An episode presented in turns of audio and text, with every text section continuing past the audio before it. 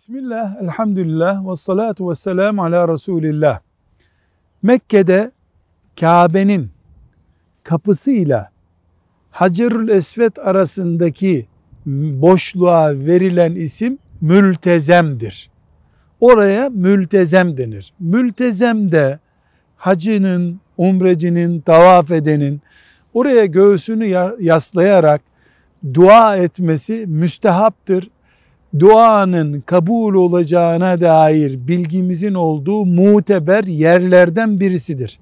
Tekrar söyleyecek olursak multezem Kabe'nin içinde kapısıyla Hacerül Esved arasındaki mesafenin adıdır.